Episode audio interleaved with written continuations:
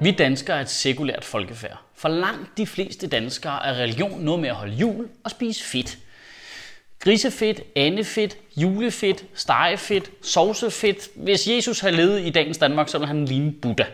Basically. Og derfor tror jeg også, det trykkede rigtig mange ateister og hyggekristne på manchetterne, da det tidligere ugen kom frem, at lige under halvdelen af danske muslimer mener, at Koranen skal spille en eller anden form for rolle i forhold til den danske lovgivning. Og så var der i virkeligheden ikke meget mere i det end det, fordi muslimerne har ikke et parti i Folketinget, og selv hvis de havde, så ville de nok have lidt svært ved at få ting igennem i den retning. Så langt de fleste af os tænkte nok bare, nå, weird, Google De eneste, der mente, det var et gigantisk problem, var selvfølgelig Dansk Folkeparti, som er et erklæret kristen parti. Hold nu kæft. Jeg er så vild med, at højrefløjen har brugt 15 år på at fortælle os, at Danmark det er i hvert fald et kristen land, og den danske lovgivning, den bygger faktisk på de 10 bud. Og nu er det så et gigantisk problem, at muslimer godt kunne tænke sig, at den danske lovgivning var bygget på deres religion i stedet for. Prøv her. Jeg gider ikke høre noget, kristne siger om muslimer, og jeg gider ikke høre noget, muslimer siger om kristne, for I har valgt et hold. I nu dem, vi andre snakker om, hvordan vi skal håndtere.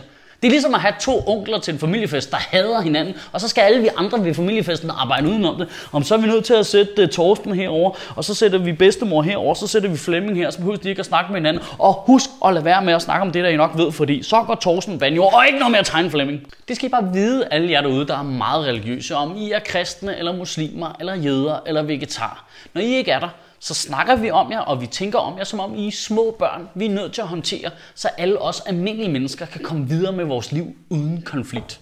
Så skal vi ikke bare sige, at religion og politik passer dårligere sammen end lange negle og give fingre.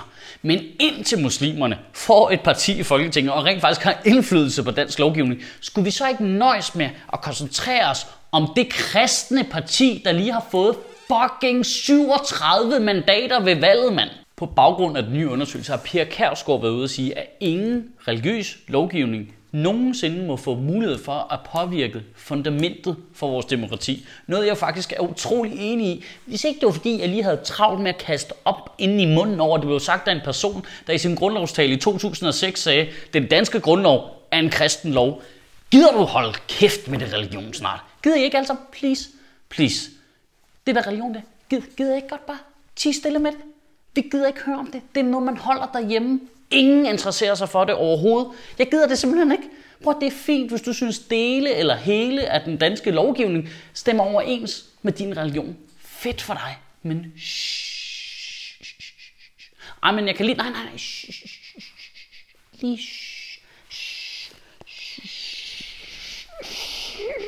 Åh, oh, det var ret ved at få ud det der.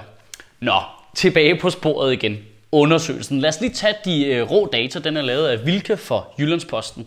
Og danske muslimer, der er 702, der har deltaget i undersøgelsen, er blevet spurgt, hvad synes du, al dansk lovgivning skal bygge på? 53,6% sagde grundloven, 11,3% sagde Koranen, 26,5% sagde en blanding af Koranen og grundloven, og 6,9% sagde ved ikke. Det vil sige, næsten lige så mange har sagt, ved ikke, som at det skal være Koranen. Hvilket faktisk er ret interessant, fordi hvordan har man svaret Koranen? Har man svaret, Koranen skal stå for det hele. Eller har man sagt, øh, Koranen?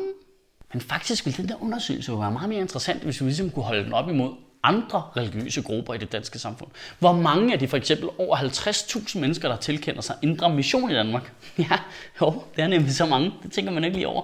Og et par af dem sidder i Folketinget, og så kan du selv gætte fra hvilket parti. Men hvor mange af dem synes egentlig, at den danske lovgivning skal bygge på Bibelen? Og et spørgsmål, der øvrigt gælder både indre mission og hardcore muslimer. Hvilke dele fra Bibelen og Koranen er det, man tænker på? Altså er det de bløde værdier, som at vi skal passe på hinanden, og du må ikke slå ihjel, du må ikke stjæle og alt det der, fordi de er jo inkorporeret i lovgivningen i forvejen. Eller er det de hårde dele? Det håber jeg virkelig ikke.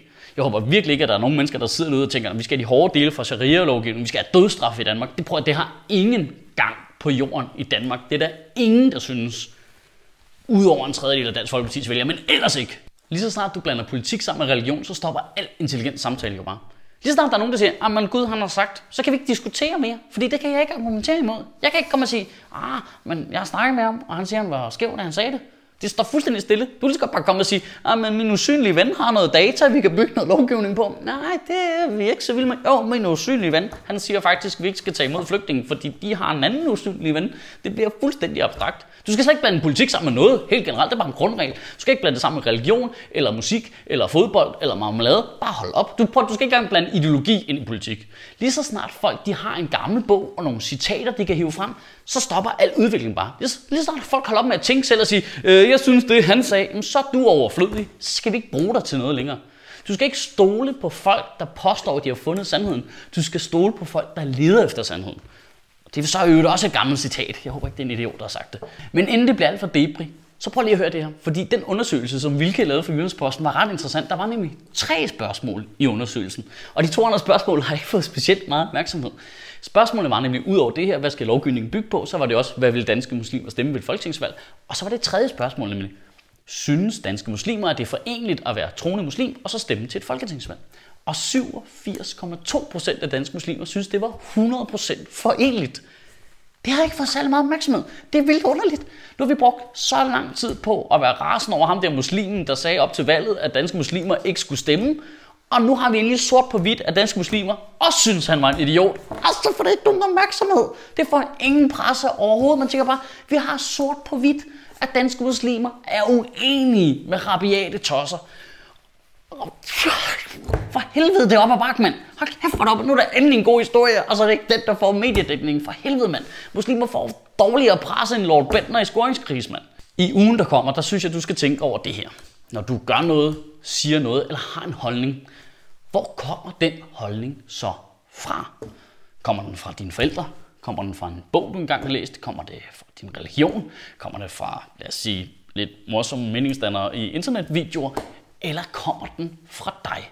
Fordi prøv at høre, hvis den kommer alle andre steder fra, end fra dig selv, så er den sygt uinteressant. Ved du så kan vi lige så godt diskutere med dine forældre, eller med din bog, eller hvad det er, det kommer fra. Det er dig, der har magten til at mene ting, og det er dig, der har ansvaret. Alt andet er pisse ligegyldigt. Det er kun, hvad du som menneske synes, der er interessant. Kan du have en rigtig god uge, og Gud bevare min bare. Nu skal vi også snart holde op med bibordet. Hvad er det med det bip der? Hvad, hvad, hvad hvis jeg siger numse i stedet for? Nå, det må jeg godt sige. Okay. Hvad med møffe? Okay, den er også god. Hvad med as? Nå, okay. Engelsk kan du også. Flot. Og nu er det sgu tid til at lukke computeren og komme ud og opleve mig i mit rette element foran et live publikum, når jeg har premiere på mit nye one-man-show Ytringspligt den 29. september. Du finder dine billetter på fbi.dk-ytringspligt. Husk, at vi er sponsoreret af Comedy Zoo. Det er dem, der står lige hernede. De hjælper os med at lave de her videoer, og så hjælper vi dem ved at sige, hvad der er på programmet på Comedy Zoo. Og hvis du så vil hjælpe os alle sammen, så går du en gang med på Comedy Zoo, så bliver vi alle sammen simpelthen så glade. I næste uge, der kan du opleve Thomas Hartmann, Jakob Wilson og en utrolig sjov fyr, der hvis du ikke har set ham, så er det helt sikkert lige noget for dig. Han hedder Anders Grav, han har vundet øh, talentprisen ved Zulu Comedy Awards. Og så er han noget så skønt som en stand-up-komiker, der ikke ligner alle os andre. Jeg håber virkelig, øh, du vil overveje at gå ind og se dem. Du finder som altid dine billetter på fbi.dk.